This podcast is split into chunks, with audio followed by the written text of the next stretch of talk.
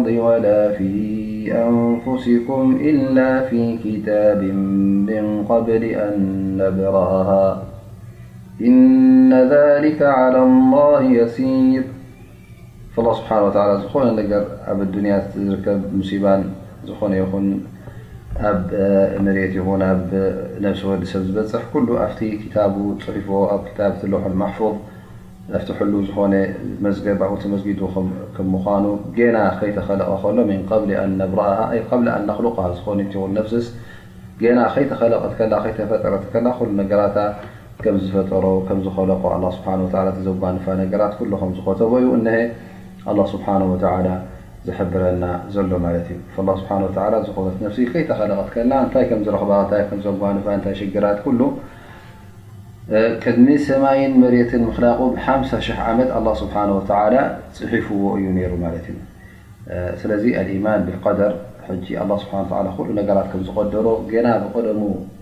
ብጥንቱ ከም ተቐደረስ ክንፈልጥ ኣለና ክንኣምን ኣለና ማለት እዩ እዚ እምነት እዚ እውን ኣርባዕተ ደረጃ ኣለዎ ማለት እዩ ወይከዓ ኣርባዕተ መርተባ ቀዳማይ ኣላ ስብሓን ወተላ ኩሉ ነገር ይፈልጥ ከም ምኳኑ ክትኣምን ማለት እዩ ብኣን ኣላ ስብሓን ወተላ ዓሊሙን ብኩሉ ሸ ኩሉ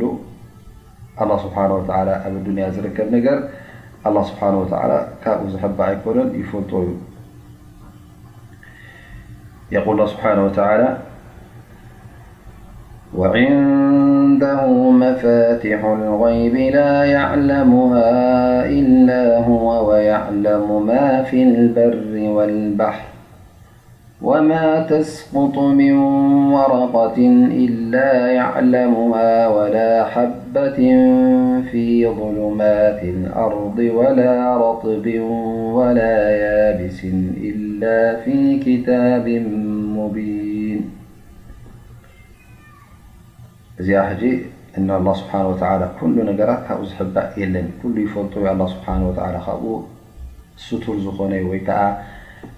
ዘይፈልጦ ነገር ኣላህ ስብሓነሁ ወተዓላ የለን። ኣብ ሰማያት፣ ኣብ መሬት፣ ኣብ ባሕሪ ዝወድቕ ቆጽሊ፣ ኣብ ጸልማት፣ ኣብ ብርሃን ዝኾነ ይኹን ጥሉል ንቑጽሲ ኣላህ ስብሓነሁ ወተዓላ ኣብዚ ዓለም ዘሎ ኩሉ ካብኡ ዝሕባእ ኣይኮነን ይፈልጦ እዩ። ኣብቲ ክታብ ኣብቲ ለውሑል ማሕፉዝ እውን ጸብጻብ እውን መዓስ ከም ዝርከብ እንታይ ከም ዝኸውን። ኣበይ ከም ዝርከብ እዚ ኩሉ ነገራት ሲ ኣላህ ስብሓነሁ ወተዓላ ከም ዝፈልጦ እዩ እነሀ ዝሕብረና ዘሎ ኣብዛ ኣያት እዚኣ። ኢዘን እቲ ቀዳማይ መርተባ ወይ ከኣ እቲ ቀዳማይ ደረጃ ብዛዕባ ናይ ኢማን ክተማልኦ ዘለካ ብልኢማን ብልቀደር በቲ ናይ ቀደር ብጽሑፍቶ በቲ ኣላህ ስብሓነሁ ወተዓላ ዝቀደሮ ኣነ ኣላህ ስብሓነሁ ወተዓላ ኩሉ ነገር ይፈለጥ ከም ምዃኑ። ካልኣይቲ ምስኣ ተኣሳሰረት ኣነ ኣላህ ስብሓነሁ ወተዓላ ኩሉ ክርከብ ዝተባህለ ነገር ኣላህ ስብሓነሁ ወተዓላ መቓዲር ናቱ ፅሒፍዎ እዩ። ጌና ቅድሚ ሰማያትን መሬትን ምኽላቑ ሓምሳ ሽሕ ዓመት ኣላህ ስብሓነሁ ወተዓላ እቲ ክኸውን ዝግባእ እቲ ክኸውን ዝኸውን ነገራት ኩሉ ኣላህ ስብሓነሁ ወተዓላ ክሳዕ የውመል ቅያማ ካብታ መሬት ትኽለቕ ካብታ ዓለም ትኽለቐላ እዋን ክሳዕ የውመል ቅያማ ዘሎ እዋን ዝርከብ ኩሉ ኣላህ ስብሓነሁ ወተዓላ ከምዝፀሓፎ ክትኣምን ኣለካ ማለት እዩ ኸላስ ኩሉ ውን ተጻሒፉ እዩ ተመዝጊቡ እዩ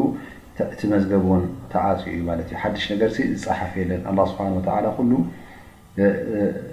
ኣብቲ ለውሐል ማሕፎ ጽሒፍዎ እዩ። ስለዚ ዝኾነ ነገር ክርከብ እንከሎ እብዛ ዓለምሲ እዚኣ ተትኸውንስ እዚኣ ኣይምተረኽበትን ነይራ ወይ ከኣ እዚኣ ረኺባትኒ ዘላስ ኣይምረኸበትንን ነይራ ኢልካ ክትሓስብ የብልካን። ኣላህ ስብሓነ ወተዓላ እታ ክትከውን ዝበላ ክውንቲ ስለ ዝኾነትሲ እቲ ዝኾነ ነገርሲ ኣይቅየርን እዩ ማለት እዩ። ምኽንያቱ ኣላህ ስብሓን ወተዓላ ኩን ስለ ዝበሎ ኮይኑ ማለት እዩ ኸላስ እዚ ነገር እዚ ሕጂ ክትኣምን ኣለካ ቀደም ኣላህ ስብሓን ወተዓላ ከም ዝፀሓፎ ማለት እዩ ብናልባሽ ሓደ ሰብ ይሓትት ማለት እዩ እንተ ኣላ ስብሓን ወተዓላ ኩሉ እቲ ርዝቅኻ ን ኩሉ ነገራት ፅሒፉልካ እንተ ኮይኑ ኣብ ሓዲ ረሱል ስ ሰለም እነቢይ ስ ሰለም መን ኣሓባ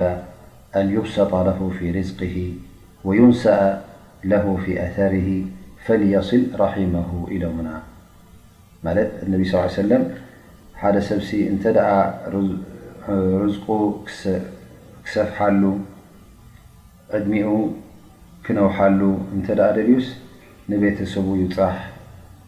ኢሎም ንነቢ ሰለላሁ ዓለይሂ ወሰለም ተዛሪቦም ሓቢሮም እንድዮም እሞ ከመይ ጌርና ደኣ ሕጅስ እንተ ደኣ ቤተሰብካ ምብጻሕ ዕምርኻ ዝውስኽ ወይ ከኣ ርዝቕኻ ዘስፍሕ እንተ ደኣ ዘይኮነ ደኣ ከመይ ጌርካ እቲ ናይ ቀደም ጽሑፍ እዩ ትብሉና እሞ ከመይ ጌርና ደኣ ሕጂ ምስዚ ሓዲስ እዚ ነዚ ዝበሃል ዘሎ ናይ ኣላህ ስብሓነሁ ወተዓላ ዝቐደሮ ነገር እዩ ዝኸውን ዝቕየር ነገር ንብሎ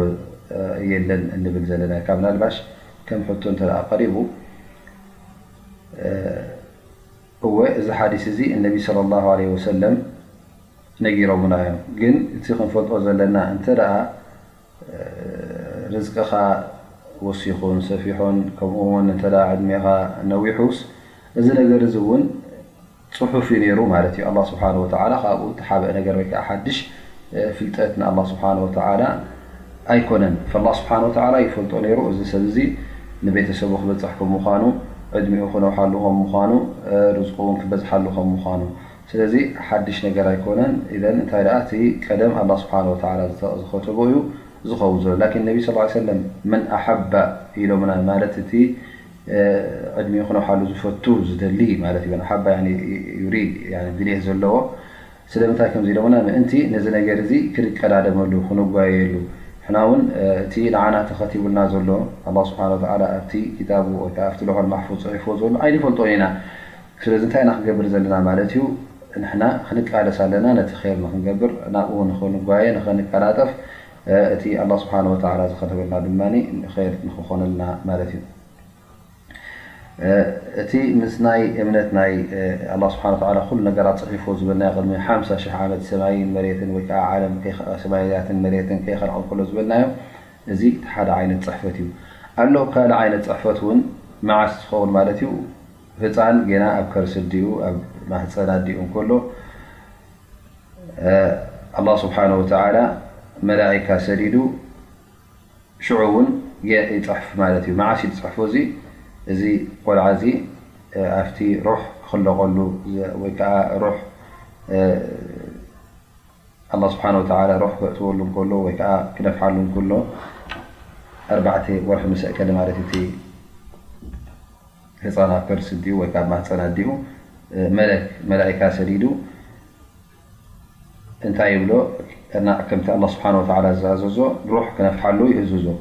ብርባዕተ ነገራት እውን ይእዝዞ ርዝቁ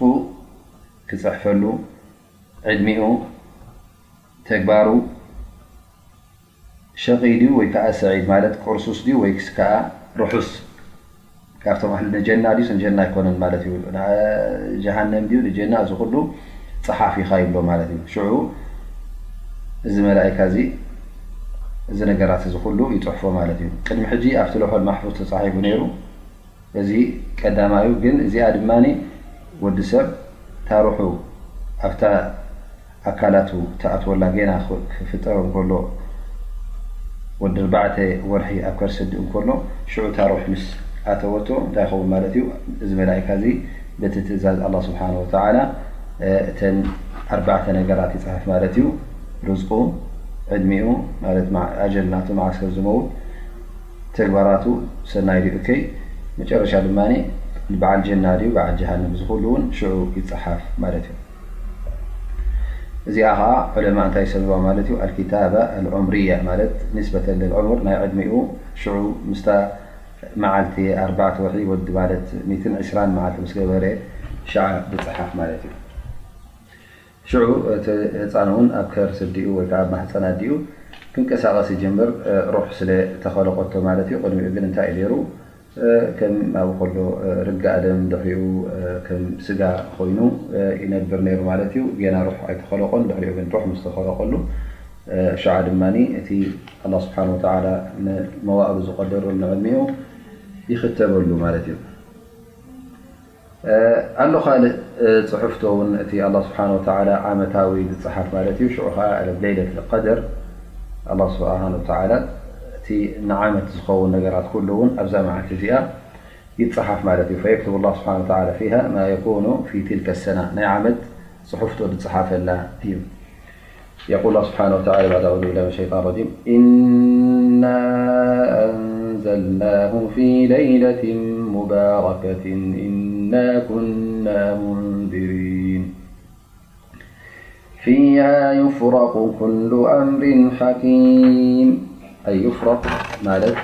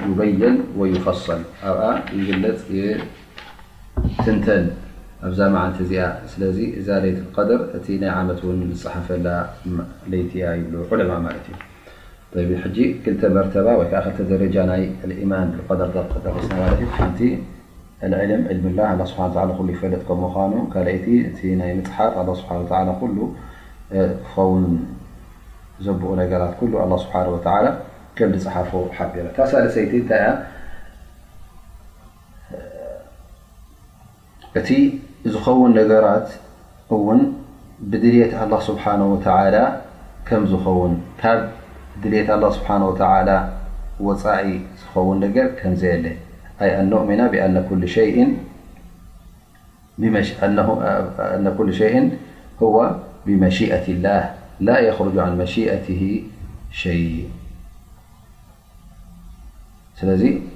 ኩሉ እቲ ዝኸውን ነገራት ኣብዚ ዓለም እዚ ኣብቲ ኣላ ስብሓን ወተዓላ ዝፈጠሮ ዓለም ኩሉ እቲ ኣላ ስብሓን ወተዓላ ዝደለዮ ንሱ ዘይደልዮ ነገር ኣይከውንን እዩ። ኣላ ስብሓን ወተዓላ ኣብ ፍጥረቱ ድልቱ እዩ ዝኸውን እምበረ ንሱ ንኣላ ስብሓን ወተዓላ ኣብ ከይፈ ከይደለዮ ከሎ ወይ ከዓ ካብ ድልት ኣላ ስብሓን ወተዓላ ወፃኢ ኮይኑ።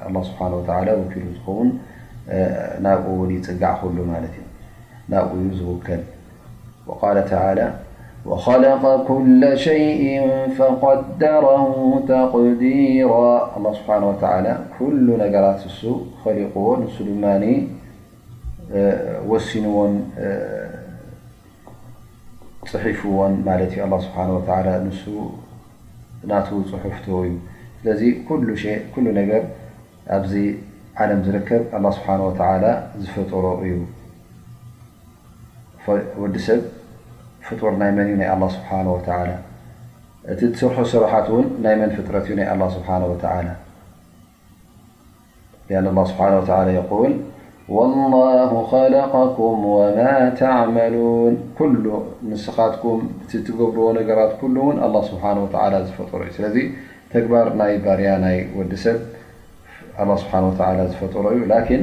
ነዚ ተግባር እዚ ዝፍፅም ዘሎ መን እዩ እቲ ባርያ ወይ ከዓ እቲ ወዲ ሰብ ማለት እዩ ኣላህ ስብሓን ወተዓላ ኣይኮነን እስኻ ኢኻ ትፍፅሞ ዘለኻ ኣንታ ወዲ ሰብ ስለዚ ትሕተተሉ ማለት እዩ ምክንያቱ እስኻ ትፍፅሞ ዘለኻ ላኪን ካብ ፍጥረት ኣላህ ስብሓን ወተዓላ ወፂእካ ኣይኮንካን ትገብር ዘለኻ እዚ ኩሉ ናይ ኣላህ ስብሓን ወተዓላ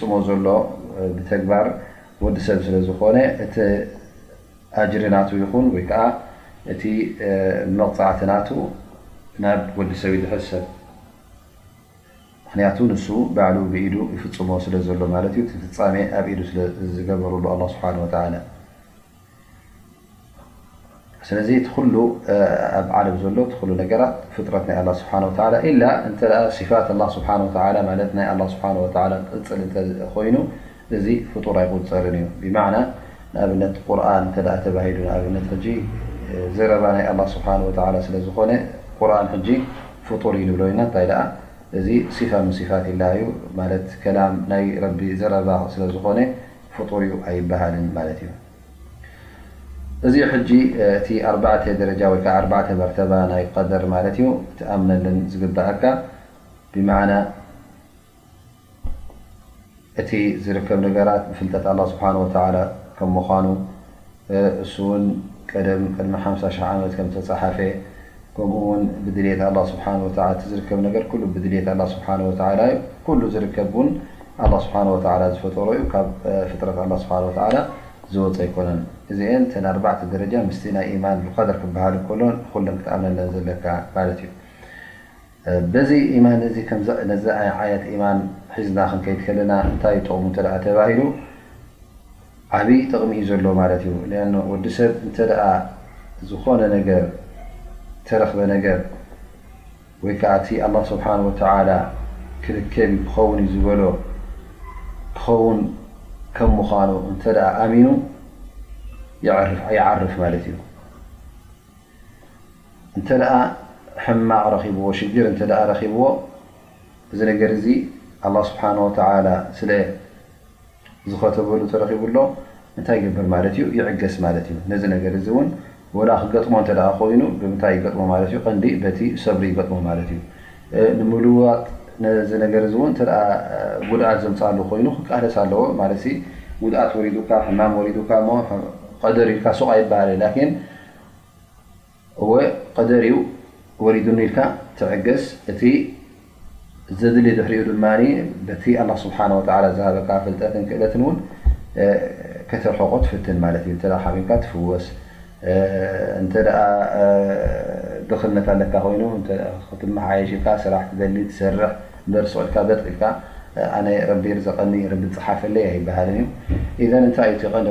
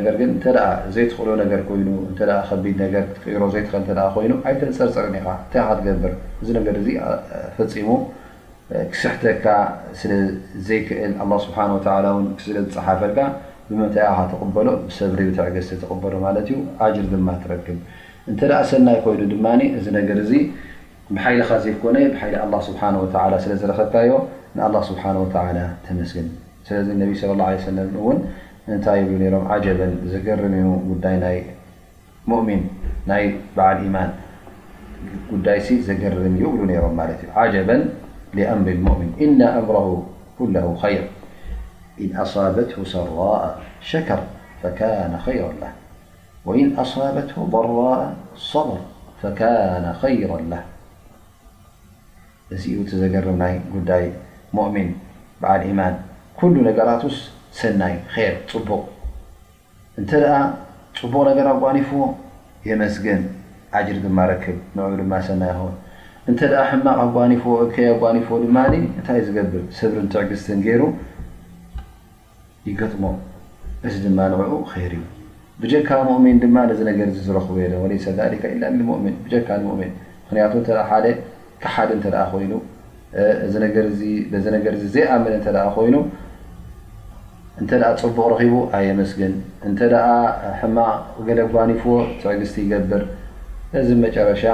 ሓንቲ ከይከሰበ ይኸይድ ማለት እዩ ኣጅሪ የብሉ ገለ የብሉ ስለዚ እዚ ስለ ዝፈልጥቲ ሙእሚን ኩሉ ነገራት ኣላ ስብሓን ወተላ ዝደለዮን ዝኣዝዞን ዝወሰኖን ዝጸሓፎን ስለ ከም ምዃኑ ስለ ዝኣምን ነቲ ነገር በዚ ይገጥሞ ማለት እዩ። ፈረጃ ድማ ካብ ጎይታ ይጽበ። ኣላህ ስብሓነሁ ወተዓላ እውን ይፍርጆ። እንተ ናብኡ ተጸጊዑ ኣላህ ስብሓነሁ ወተዓላ ኩሉ ግዜ ይፍርጀልካን ካብቲ ዘለኻዮ ጸበባን እውን የናግፈካ እዩ። ስለዚ እቲ ር ውን ክርከብ ከሎ ዋላ ውን ንስኻ ሰሪሕካ ናፍቲ ር ናፍቲ ሰናይ ብፃሕ ግን ኣብ መጨረሻ ናይ መን እዩ ዝፈሊ ናይ መን ፀጋ እዩ ናይ መን ሽሻይ እዩ ናይ ኣላ ስብሓ ወ እሱ ከም ምዃኑ ኢኻ ትኣምን ዘለካ እሱ ውን እቲ ር ውን ኩሉ ግዜ ብኣ ስብሓ ወ ህያብ ከምተሃበ ወሃበካ ክትኣምን ኣለካ ማለት እዩ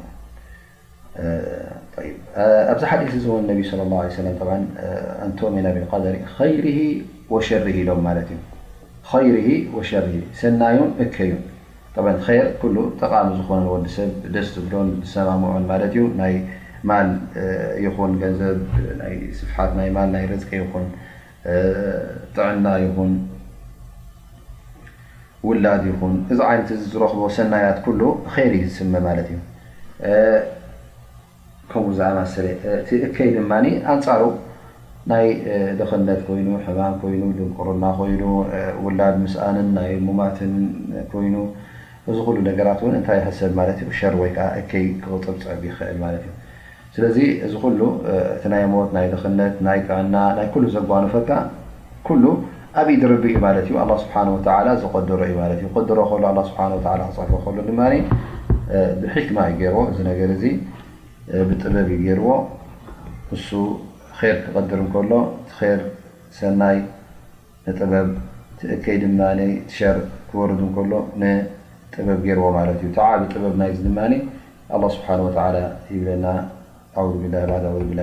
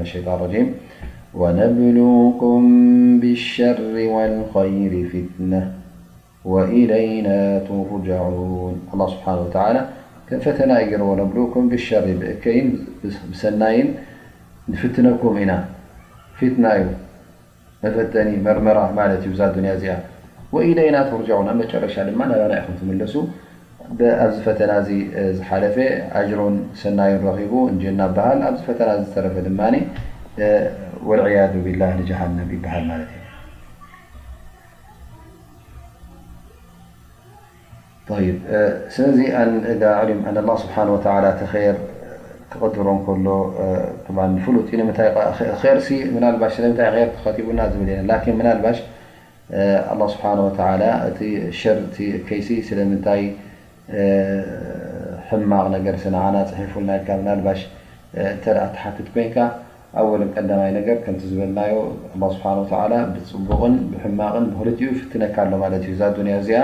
ሰናይን እከይን ገይሩላ ብኽልቲኡ ድማ ትፍተን ማለት እዩ። ካልኣይ እውን እቲ እከይ ክረኽበካ እንከሎ ብሰንኪ ተግባራትካ እዩ፣ ብሰንኪ እቲ ገበናትካ።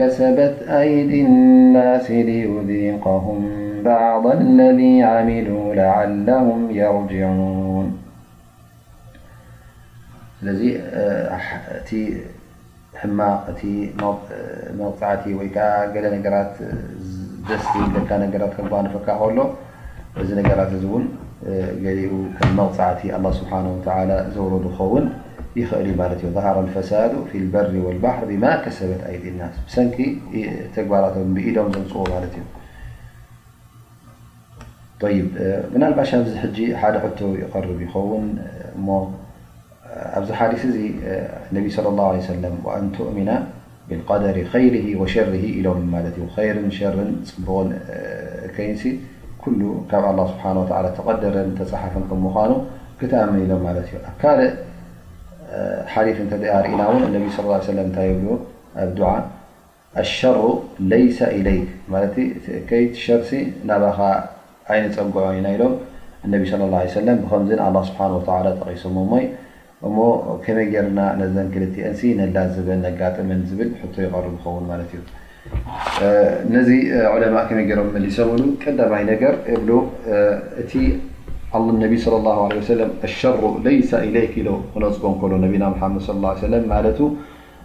እቲ ፍፁም እከይ ዝበሃል ማለት እቲ ሸር ማሓብ ማለት ኼር ዘይብሉ ወላ ብሓደ ሸነኹ ኼር ዘይብሉ እዚ ናብ ኣላህ ስብሓን ወተዓላ ኣይፅጋዕን እዩ ኣላህ ስብሓን ወተዓላ እውን ኣይገብሮን እዩ ማለት እዩ ብማዕና ኣሸር ማሓብ ማለት ውፁእ ወይ ከዓ ፍፁም እከይ ር ዘይብሉ እከይ ንዝኾነ ሰብ ር ዘይብሉ እዚ ኣላ ስብሓን ወተላ ላሓለን ወላ መኣለን እተ ር ዘይብሉ ኮይኑ ዝሸር እዙ ኣላ ስብሓን ወተላ ኣይገብሮን ዩ እብሎ ማለት እዩ ብማዕና እቲ ሸር ምናልባሽ ስኻ ሓደ ሸነኽ እከይ እዩ ኢልካ ክትሪኦ ከለኻ እንተ ግን ብኩሉ ወገናት ርኢኻዮ ግዴታ ኩሉ እከይ ኮይኑ ኣይፀንሓካን እዩ እንታይ ደኣ ብሓደ ሸነኽ እከይ ኮይኑ ክረኣየካ እንከሎ ብኻልእ ሸነኻት ግን ብዙሕ ጽቡቕ ሰናይ ነገራት ኣለዎ ማለት እዩ። መጨረሽትኡ ኼር ክኸውን ይኽእል ማለት እዩ። እንተ ሓመቐ እንተ ንዓኻ ሕማቕ ነገር ኣጓኒፉካ እከይ ነገር ኣጓኒፉካ ሰብሪ ምስ ገበርካ ብሰንኪ እዚ እከይ እዚ እንታይ ትረክብ እቲ ሰብ ዝገበርካዮ ሰብሪ ኣጅሪ ትረክብ ማለት እዩ ደረጃኻ ውን ይልዕል ማለት እዩ ኢነማ ይወፈ ኣሳቢሩን ኣጅረሁም ቢገይሪ ሕሳብ ካብቶም ሰብ ሰብሪ ኮይንካ ዝበለፀ ኣጅሪ ትረክብ ማለት እዩ ወይ ከዓ ብካሊእ ሸነክ ክንሪኦ ከለና እተ ኣላ ስብሓን ላ ንኣብነት ሕጂ ኣብ ሓደ ዓዲ እንተ ብርቱዕ ማይ ወቂዑ ሞኒ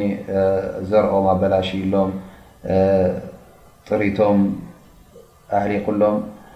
እንታይ ኢና ክንብል እንታይ እዮም ክብሉ እዚኦም ሕጂ እዚ ዝነበረ ማይሲ ከም ሙሲባ ኮይኑ መዓት እዩ ወሪዱና እዮም ክብሉ ማለት እዩ ላኪን ብካሊእ ሸነክ እንተ ሪኢካዮ እዚ ብዝሒ ማይ እዚ ንክንደይ ሰባት ክጠቅም ማለት እዩ እታ ዝወረዳ ዓዲ ምናልባሽ ጎዲእዋ ክከውን ይክእል እዩ ግን ብዙሓት ሰባትን እንስሳትን ብዙሕ መሬትን ውን ነዚ ማይ ዝፅበ ዝነበረ ክንድዚ ማይ ዘድልዮ መሬት ውን እዚ ብዝሒ ማይ ዘድልዮ መሬት ውን ነይሩ ኸውን ስለዚ እቶም ጥሪቶም ዘይሃለቐን ዘርኦም ዘይበረሰን ንዕኦም ኒዕማ ነይሩ ማለት እዩ ስለዚ ምናልባሽ እቲኦም ጎዲእዎም ኮይኑ እከይ ኮይኑ ክርእዎም ከሉ እቶም ካልኦት ግን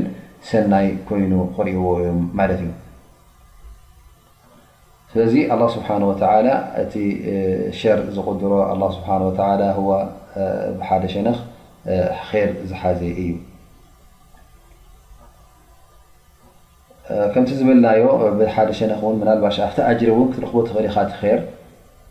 ሰብን ትርኣ ጌርካ ከምቲ ሓንቲ ካብተን ዓቢዳት ዝፈረሃት ረቢ እንታይ ትብል ነራ ሓደ ግዜ ኢዳ ምስ ተሃረመት ቆሲላ እሞ ምስ ኣቆንዘወታ ብዛዕባ እዛ ኢዳ እዚኣ ጽቡቕ ሰብሪ ጌራ ስለ ዘሕለፈቶ ንኣላህ ስብሓን ወተዓላ እሞ ምስ ኣመስገነት እንታይ ትብል ይብሉ ኢነ ሓላወተ ኣጅሪሃ ኣንሰትኒ መራረተ ሰብሪሃ ነዛ ኢደይ ተቐንዝቦ ንዘላ ወይ ከኣ ነዛ ኣጻብዕቲ እዚኣ እቲ ቓንዛ ናታ ምስ ወረደኒ እሞ ሰብሪ ክገብር ከም ዘለኒ ስለ ዝፈለጥኩ እሞ እቲ ሰብሪ ክስ ክንደይ ኣጅሪ ከም ዘለዎ ናብኡ ምስ ኣስተውዓልኩሉ እቲ ቓንዛ ንገዛእ ርእሱ ተረሲዑኒ እሞ እቲ መቐረት ናይ ኣጅሪ ናታ ነቲ ቃንዛኣ ኣረሲዑኒ ትብል ማለት እዩ ስለዚ እዚኣ ሰብ እዚኣ እቲ ዝወረዳ ማህረምቲ ብሓደ ሸነኽ እንታይ ኮይኑ ማለት እዩ ንዓኣ ንኸየሪኣን ንፅቡቓን ኮይኑ ማለት እዩ ስለዚ እቲ ማህረምቲ ንገዛእ ርእሱ ምናልባሽ ብሓደ ሸነኽ እኴይ ኮይኑ እንተ ርኢኻዮ ግን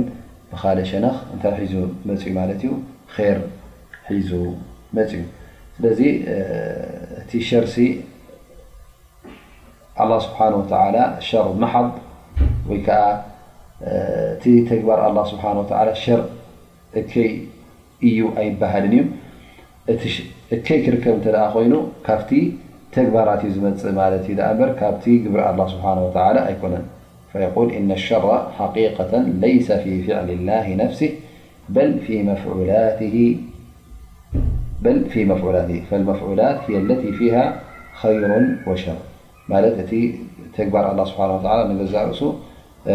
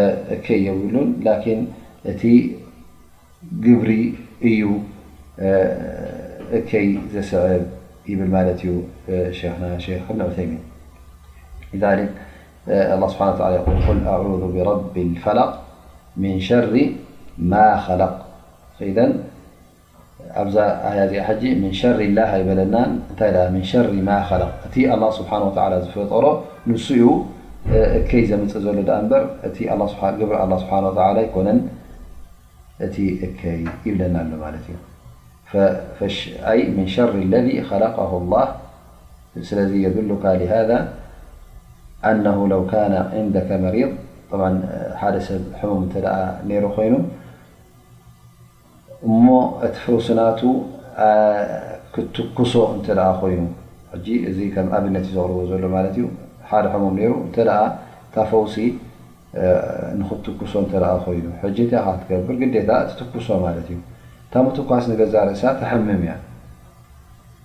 እዚኣ ከምቲ ሕምም ኩላህና ንፈልጥ ኢና ግን እስኻ እቲ ዝገበርካዮ ተግባር እከይ ድዩ ነይሩ ወይስ ሰናይ እንተ ርኢናዮ እቲ ዝገበርካዮ እስኻ እከይ ኣይነበረን ምክንያቱ ነቲ ሕሙም ሰናይ እዩ ነይሩ እቲ ሕውየት ከ ኢኻ ትገብሮ ዘለኻ ፈውሲ እዩ ወላ እታ ፈውሲ መራር ትኹን ኢዘን እቲ ምምራር እቲ ሽግር ኣብታ ፈውሲ ኣሎ ግን እስኻ እቲ ናህካ ምትኳስ ክትትኩሶ ከለኻ እስኻ ነዚ ሕሙም እዚ ሕማቕ ጌርካዮ ሕማቕ ፈዲኻዮ ዝብለካ የብልካ ምክንያቱ እታ ተግባርካ ንምሕዋዩ ስለ ዝነበረት ግን ቃንዛ ኣብቲ ተግባርካ ቃንዛ ነይሩ ማለት እዩ ስለዚ ኣብቲ ተግባር ቓንዛ ስለ ዝነበረ ምናልባሽ እዚኣ እከይ ነይራ ላኪን ተግባርካ ብኹሉ እቲ ንስኻ ግብርኻስ እከይ ከም ዘይነበረ ይበርሃልካ ማለት እዩ ምክንያቱ እቲ ትፅበዮ ዘለኻ ፅባሕ እዚ ሰብ እዚ ንክሓዊ ስለ ዝኾነ በታ ተግባርካ እውን ክሓዊ እዩ ስለዚ እታ ተግባር ዝገበርካያ ንስኻ ዝገበርካሉ ር ማለት እዩ ግን እቲ ግብሪ ንገዛ ርእሱ እቲ ምሕማሙ ንሱ እዩ እቲ ንዕኡ ዘቖንዘዎ ማለት እዩ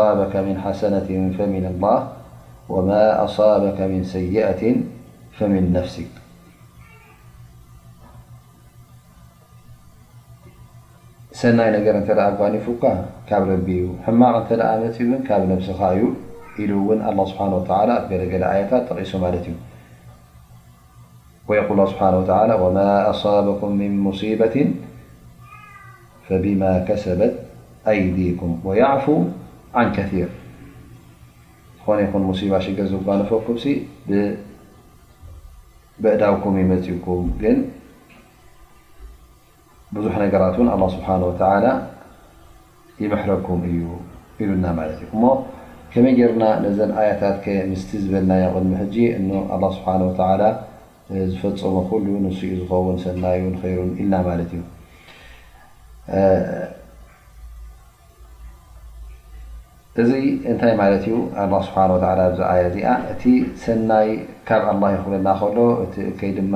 ካብ ነፍስኻ እዩ ክበሃል እንከሎ ማለት ኣንታ ወዲ ሰብ ንስኻ ነዚ ዝወርደካ ዘሎ መዓት ሰብብ ትኸውን ኢኻ ዩ ማለት እዩ እዘን እቲ ኣላ ስብሓን ወላ ቅድረልካ ከሎስ ብሰንኪናካ ብጠንቅናትካ ከም ምዃኑ ብደምዳሙ እን ኩሉ ነገራት ሲ ኣላ ስብሓን ወተላ ዘቐደሩ እዩ ዝኸውን ኸይር ይኹን ሸር ይኹን ፈቲ ር ብቲ ኣላ ስብሓን ወተላ ዝኣዘዞ እዚ ምንም ሽግር የብሉ ላኪን ትእከይ ምናልባሽ ሓደሓደ ግዜ ብሰንክኻ ብጠንቅኻ ኸውን ማለት እዩ ንስኻ ማእስያ ገበን ክትፍፅም ከለኻ ኣላ ስብሓን ወተላ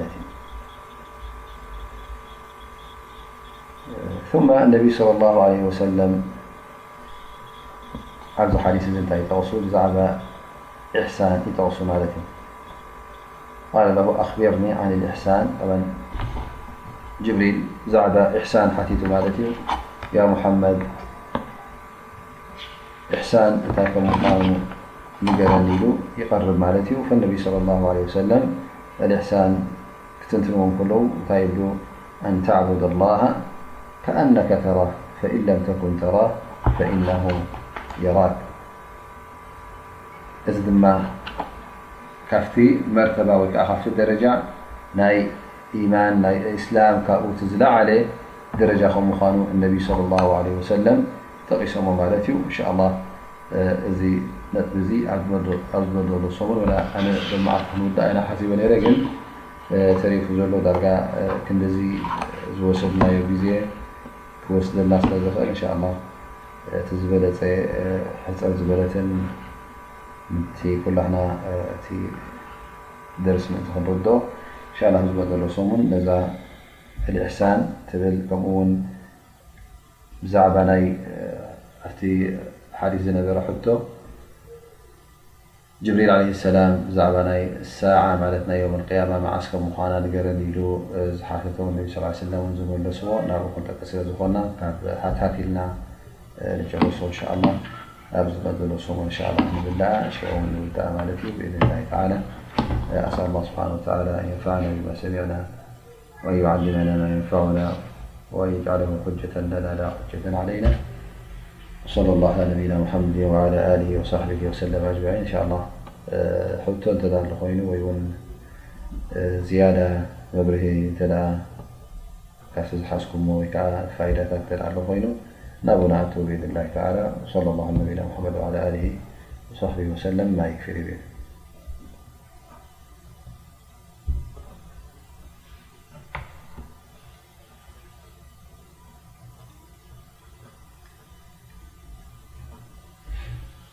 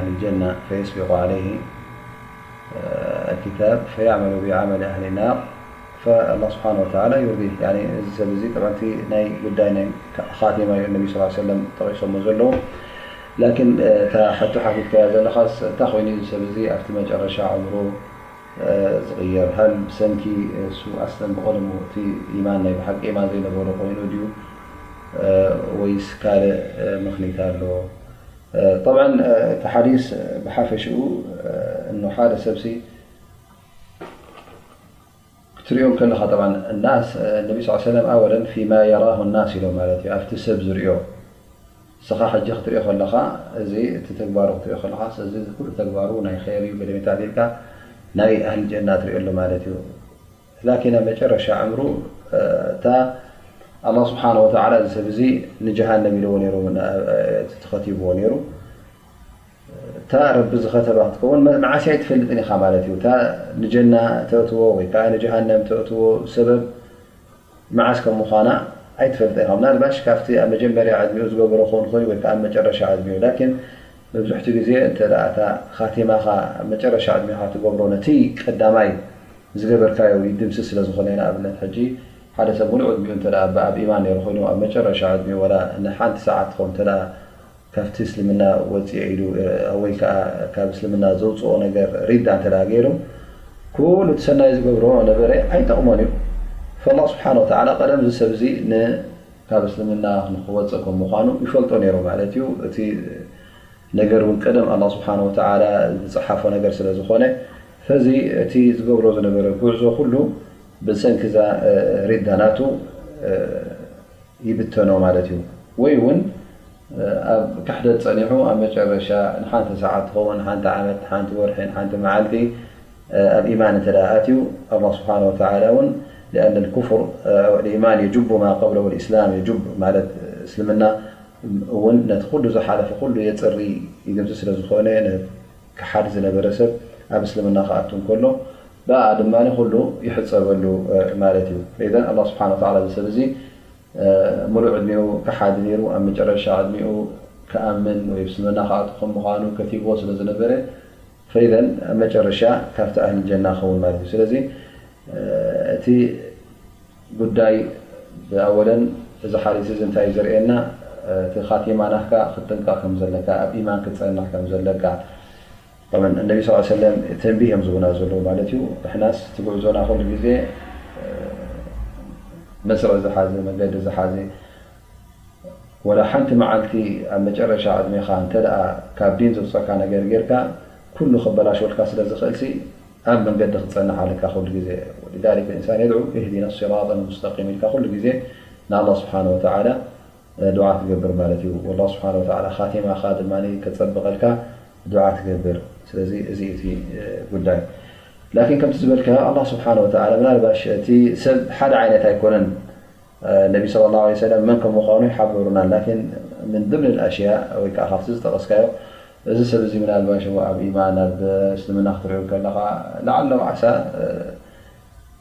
ጌና እቲ ኢማንሲ ናይ ብሓቂ ኣብ ልቡ ኣይኣተወን ነይሩ ክኸውን ይኽእል እዩ። እቲ ኩሉ ዝገብሮ ዝነበረ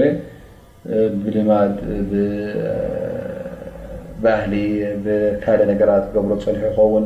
ናይ ብሓቂ እቲ ኢማንሲ ኣብ ልቡ ከይተሰቑረት ስለ ዝጸንሕ ኣብ መጨረሻ እቲ ሓቂ ይረኣ ማለት እዩ። ኣላህ ስብሓነሁ ወተዓላ ይኸሽፎን የውጽኦን ክኸውን ይኽእል እዩ።